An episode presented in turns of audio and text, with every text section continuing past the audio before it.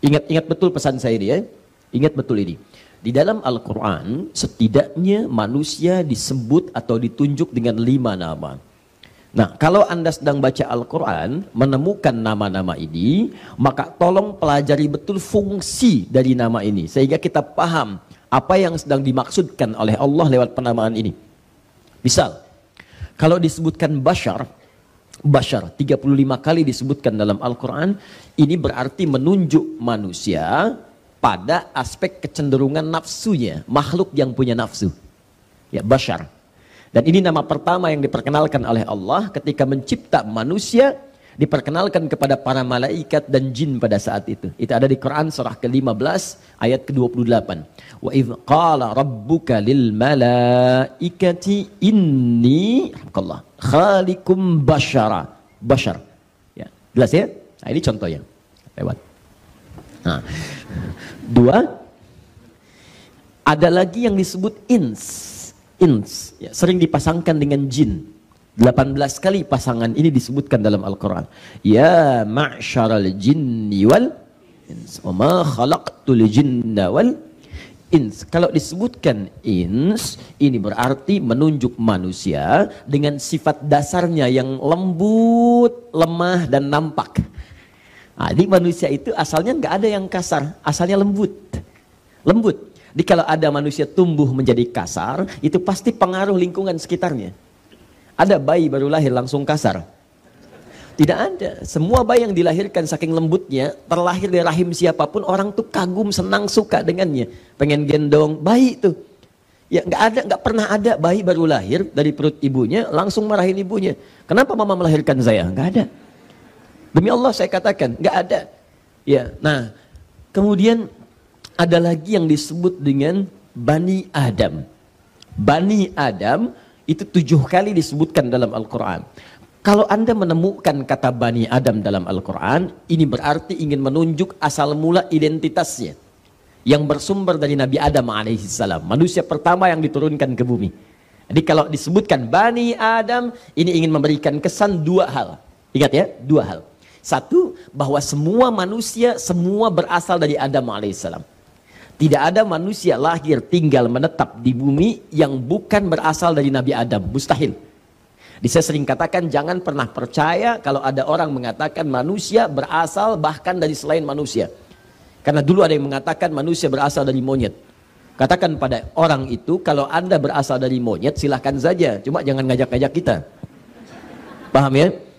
Nah, nah fungsi kedua kalau Anda menemukan kata Bani Adam di dalam Al-Quran, Anda diminta belajar dari kisah pendidikan Nabi Adam yang diberikan pelajaran oleh Allah saat di surga sebelum beliau diturunkan ke bumi. Insan. Disebutkan 65 kali dalam Al-Quran. Di 43 surah. Ya, yang berbeda. Bahkan ada surahnya surah ke-76. Saya ingin tekankan bahwa setiap Anda membaca kalimat di dalam Al-Quran berupa ayat-ayat, menemukan kata insan, maka Anda sedang diajak berdialog langsung oleh Allah tentang semua aktivitas yang pernah Anda kerjakan selama hidup. Hal ata 'alal insani hinum minad dahri lam yakum syai'an madhkura. Ar-Rahman 'allama al-Qur'an khalaqal Iqra bismi rabbikal ladzi khalaq khalaqal Nah, kalau kita lihat terjemah Allah ciptakan manusia, ciptakan manusia. Begitu Anda menemukan kalimat insan, langsung tanyakan pada diri Anda, saya selama hidup ini apa saja aktivitas yang saya kerjakan? Apakah sudah menjadi amal soleh atau banyak menjadi amal salah? Bukankah saya pengen ke surga? Sedangkan kalimat surga pertama kali disebutkan dalam Al-Quran bekalnya amal saleh. Al-Baqarah ayat ke-25. Paling kanan sebelah atas. Wabashiril amanu wa amilus salihat. Amal saleh. Di antum coba renungkan. Anda sadar kapan saja bisa wafat, di mana pun bisa meninggal. Mungkin Anda bisa berharap, saya pengen umrah.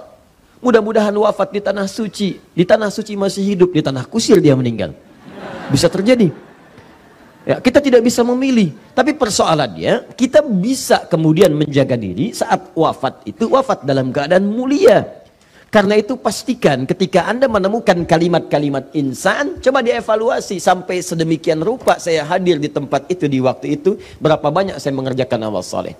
Karena itu ketika Anda bertemu dengan kalimat insan, kata Allah, lihat, innal insana lafi khus. Setiap manusia dalam beraktivitas itu, itu ada yang berpotensi rugi.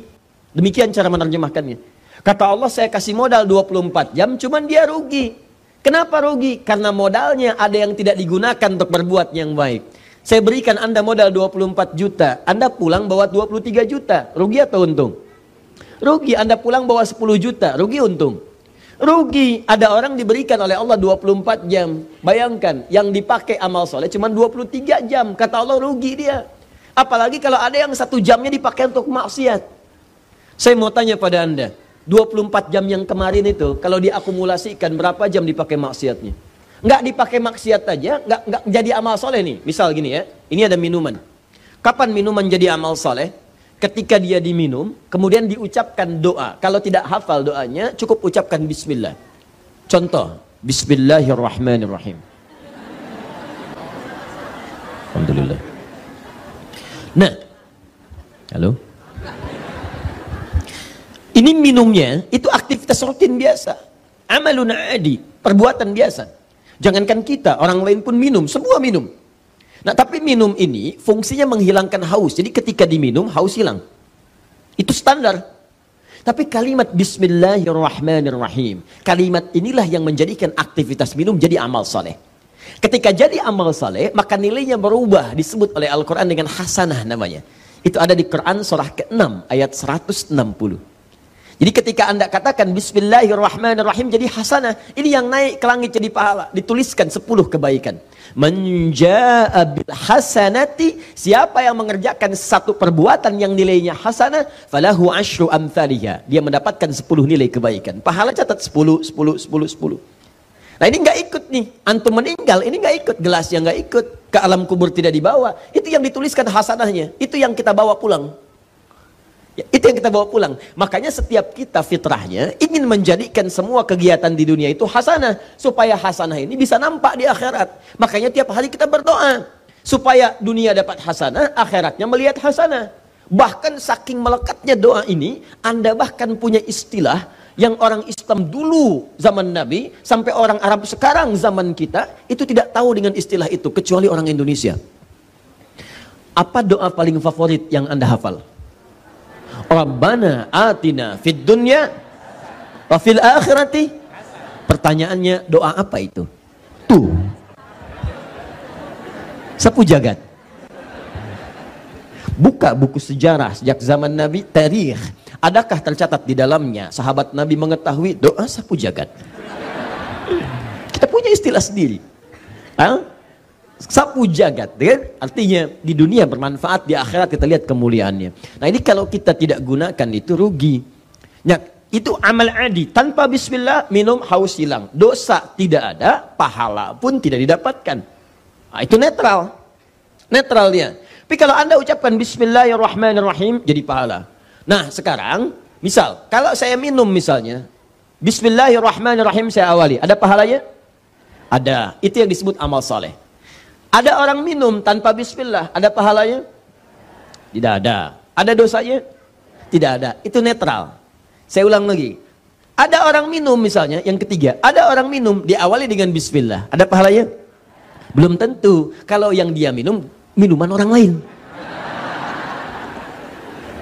Di, bismillah itu tidak harus merubah situasi kemudian menjadi halal. Kalau yang dikerjakan maksiat. Ingat itu ya. Awas, korupsi pakai bismillah tetap dosa. Hati-hati. Paham sampai sini? Karena kalimat nabinya kullu amrin dzibalin, setiap perbuatan baik. Yang tidak baik tidak bisa.